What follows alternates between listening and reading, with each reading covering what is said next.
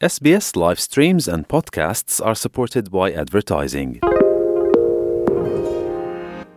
ካብዚ ቀፂሉ ዝቐርብ ትሕዝቶ ኮቪድ ዓሰርተ ትሽዓተ ብሓድሽ ንኡስ ዓሌት ቫይረስ ኣብ መላእ ዓለም ይላባዕ ዝብል እዩ። እዚ እትሰምዕዎ ዘለኹም መደብ ብቋንቋ ትግርኛ ዝፍኖ ሬድዮ ኤስቢኤስ እዩ። ኣብ ኣውስትራልያ ብዙሓት ግዝኣታት በቲ ብቢጀን ዋን ዝፅዋዕ ንኡስ ዓሌት ቫይረስ ኮቪድ ብብዝሒ ይላባዕ ከም ዘሎ ተፈሊጡ። እዚ ዓሌት እዚ ኣዝዩ ተላባዕን ብቐሊሉ ንዝጥቃዕ ክፋል ህዝቢ ከቢድ ክኸውን ዝኽእል እዩ። እንተኾነ መብዛሕትኦም ኣረጋውያን ኣውስትራልያውያን መደንፍዒ ክታበት ወይ ቡስተር ኣብ ግዜኡ ስለ ዘይወሰዱ ኣብ ክኢላታት ሻቕሎት ፈጢሩ ኣሎ። ድሕሪ ዳርጋ ኣርባዕተ ዓመት ምጅማር ለበዳ ኮቪድ ዓሰርተ ትሽዓተ፣ ዓሌት ጂኤን ዋን ኣብ መላእ ዓለምን ኣብ ገለ ክፋላት ኣውስትራልያን መልከፍቲ ብብዝሒ ይላባዕ ኣሎ። ኣብ ዝሓለፈ ወርሒ ታሕሳስ ብውድብ ጥዕና ዓለም ብዙሕ ተገዳስነት ዝረኸበ እዚ ቫይረስ ኣብዚ እዋን እዚ ኣብ ሕቡራት መንግስታት ኣሜሪካ ካብቶም ብኮሮና ቫይረስ ተታሒዞም ዘለዉ እቲ ስሳን ኣርባዕተን ሚእታዊ በዚ ዓሌት ዝመፀ እዩ። ካብቲ ኦሚክሮን ብኤ ቱ ኤይትሲክስ ዝፍለጥ ንኡስ ዓሌት ክፋል ዝወፀ ድማ እዩ። ኣብ ዩኒቨርሲቲ ደቡብ ኣውስትራልያ ተመራማሪ ተመሓላለፊ ሕማማት ዝኾነ ፕሮፌሰር ኣንድሪያን ኢስትራማን እቲ ቫይረስ ምስ ዋህዮታት ዝለግብ ኣዝዩ ተላባዒ ምዃኑ ይገልፅ። ጀን ፖይንት ዋን ቱ በተር ኢቫይድ ኣወር ኢሚዩን ሲስተም። ጀን ዋን ንስርዓተ ምክልኻል ሕማም ኣዝዩ ክግድቦ ዝኽእል እዩ። ስለዚ ዋላ ኣብ ቀረባ እዋን ኮቪድ ዓሰርተ ትሽዓተ ሒዙካ ወይ እውን ክታበት እንተ ተኸቲብካ ጀን ዋን ብቐሊሉ ክመሓላለፈካ ዝኽእል እዩ። በዚ ምኽንያት እዚ ድማ ኢና ሎሚ ኣብ መላእ ዓለም ከስፋሕፍሕ ክንሪኦ ጀሚርና ዘለና። ኣብዚ እዋን ኣብ ኣውስትራሊያ እቲ ምልባዕ ይቕጽል ከም ዘሎ ተራእዩ ኣሎ። ኣብ ኒው ሳውዝ ዌልስ እቲ ናይ ጀን ዋን ንኡስ ዓሌት ልዕሊ ሲሶ ናይ ኮቪድ መርመራታት ተረኺቡ ኣሎ። ኣብ ቪክቶርያ ድማ እቲ ኣዝዩ ተላቢዑ ዘሎ ንኡስ ዓሌት ናይ ቫይረስ እዩ። ክልቲኤን ክፍለ ግዝኣታት ኣብ ቀረባ እዋን ኣብ ናይ ኮቪድ ሕማምን በቲ ኩነታት ብዙሕ ሰብ ኣብ ሆስፒታላት ዝኣትዉ ሕሙማት ከም ዘለዉ ተራእዩ እዩ።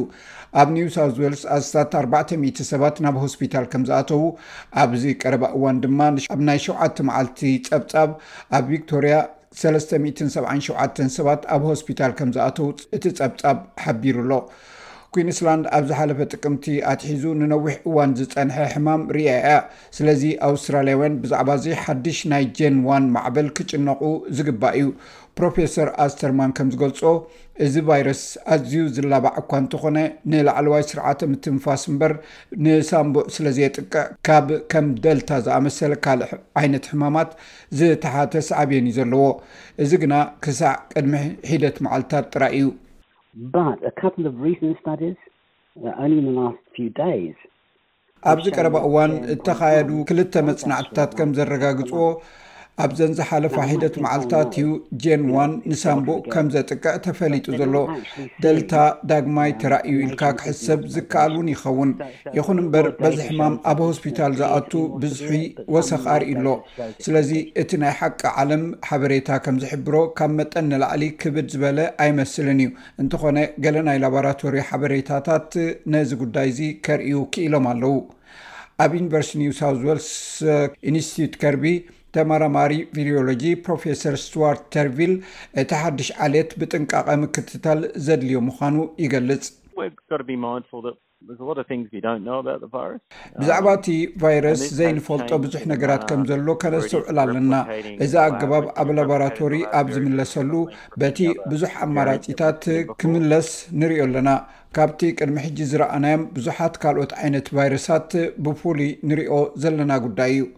ፕሮፌሰር ኣስተርማን ከም ዝገልጾ ካብ ታሕሳስ ዝወጹ ክታበታት ካብቶም ቅድሚ ሕጂ ዝተለቁ ንናይ ጀን ዋን ን ቢኤ 286 ንኡስ ዓሌታት ዝሓሹ ናይ ሕማም ተጻዋርነት ዝህቡ እዮም እዚ ዘተሓሳስብ እዩ ምክንያቱ ካብቶም 75 ዓመት ዝዕድሚኦም ወይ ልዕሊኦም ኣብ ውሽጢ ዝሓለፉ 6ሽ ዋርሕ 22 ሚታዊ ጥራይ እዮም ናይ ኮቪድ-19 መደንፍዒ ክታበት ረኪቦም ካብ ስሳን ሓሙሽተን ክሳብ ሰብዓን ኣርባዕተን ዓመት ዝዕድሚኦም ክሳዕ ሕጂ ዓሰርተ ሓሙሽተ ሚእታዊ ጥራይ እዮም ክታበት ወሲዶም ዘለዉ።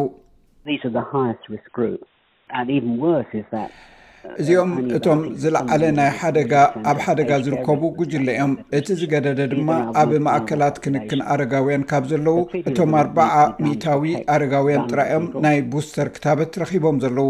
እዚኦም እቶም ቀንዲ ተጠቃዕቲ ክፋል ህዝብና እዮም። ስለዚ ንኣብ ተኣፋፊ ኩነታት ዘሎ ሰባት ንምክልኻል ብዙሕ ክግበር ኣለዎ። ናይ መንግስቲ ኣውስትራልያ ናይ ክታበት ኣማኻሪ ኣካል ኣታጂ ኣኣብ ሽዱሽተ ወርሒ ናይ መደንፍዒ ክታበት ኮቪድ ክውሰድ ይእምም። ብፍላይ ዕድሚኦም ልዕሊ ስሳን ሓሙሽተን ዓመት ንዝኾኑ ወይ እውን ከቢድ ሕማም ዘለዎም ሰባት ዝወሃብ ምኽሪ እዩ። ትሕቲ ስሳን ሓሙሽተን ዓመት ንዝኾኑ መብዛሕትኦም ሰባት ኣብ ዓዓመት ሓደ ክታበት ክውሰድ ይምከር።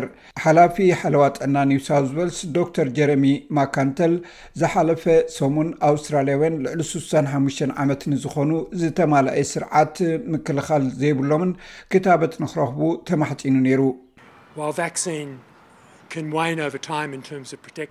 ክታበት ምስ ግዜ እናደኸመ ክኸይድ ዝኽእል እኳ እንተኾነ ከቢድ ሕማማትን ሞትን ንኸይወርድ ግን መከላኸሊ ምውሳድ ኣድላይ እዩ። ስለዚ ክታበት ኣዝዩ ኣገዳሲ ክፋል ምቁጽጻር ኮቪድ ኮይኑ ክቕጽል እዩ።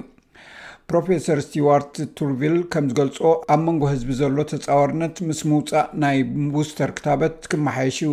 ቀስ ብቐስ ከኣ ነቲ ኮቪድ ዓሰርተ ትሽዓተ ዘሕድሮ ጽልዋ ክንክዮ እዩ።